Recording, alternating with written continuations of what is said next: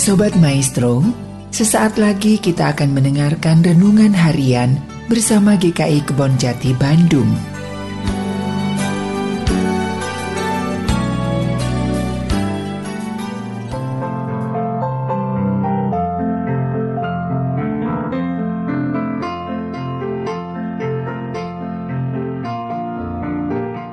Saudara sekalian jumpa kembali dalam renungan harian GK Bonjati bersama saya Pendeta Yoce Handrikaru.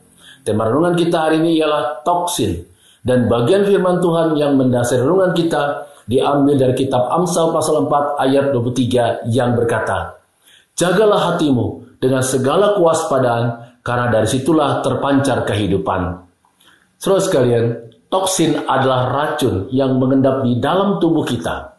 Keberadaan toksin sering kali tidak kita sadari Padahal toksin itu dapat menyebabkan penyakit, mulai dari yang ringan seperti batuk sampai yang mematikan seperti kanker.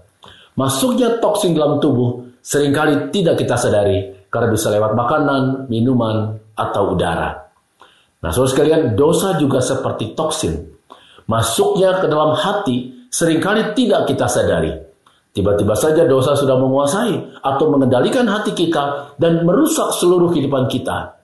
Itulah yang dialami oleh Raja Saul yang bisa kita lihat ceritanya dalam 1 Samuel pasal 18 ayat 6 sampai dengan ayat 11. Saudara sekalian bermula dari mendengar rakyat memuji Daud. Hati Saul langsung dikuasai oleh iri hati yang berubah menjadi kebencian yang amat sangat. Kebencian inilah yang mengubah arah hidup Saul. Sebagai raja, Saul tidak lagi mengarahkan hatinya untuk memimpin rakyat sesuai dengan kehendak Allah. Justru sisa hidupnya dipenuhi oleh ambisi untuk membunuh Daud. Terus sekalian, ada banyak dosa yang sering kali tidak kita sadari keberadaannya, seperti halnya kesombongan diri, iri hati, keegoisan, dan lain sebagainya bisa ada bersarang dalam diri atau hati kita. Semua itu harus kita sadari sedini mungkin dan dibereskan sebelum menjadi besar dan menghancurkan hidup kita seperti toksin yang harus kita keluarkan dari dalam tubuh lewat program detoksifikasi. Demikian pula dengan dosa yang ada dalam diri kita harus kita singkirkan dari hati kita dengan cara selalu kita berefleksi dan bercermin diri apakah hidup kita sudah sesuai dengan isi firman Tuhan. Kita selalu bertanya kepada diri kita sendiri, kita berefleksi, apakah hati kita sepenuhnya sudah untuk Tuhan.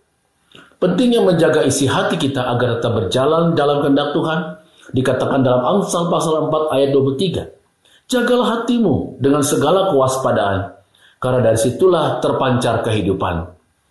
Apa yang ada dalam hati kita menentukan kualitas kehidupan yang akan kita bangun, kita jalani, kita perlihatkan kepada orang lain dan di hadapan Tuhan.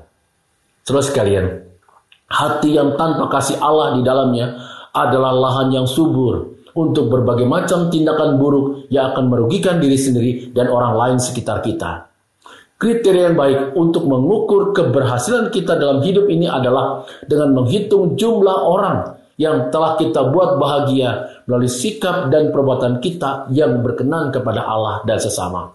Oleh sebab itu, saudara sekalian, mari, mari kita semua setiap kali kita membaca firman Tuhan, mintalah Tuhan untuk menyelidiki hati kita dan menyingkapkan semua dosa yang tersembunyi yang tidak kita sadari dan kemudian kita melakukan sebuah proses pembenahan hidup untuk dapat menata isi hati kita agar melancarkan kehidupan yang berdampak positif bagi kehidupan bersama. Tuhan memberkati kita semua. Amin.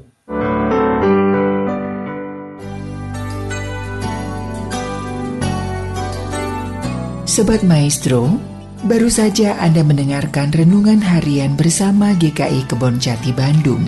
Tuhan Yesus memberkati.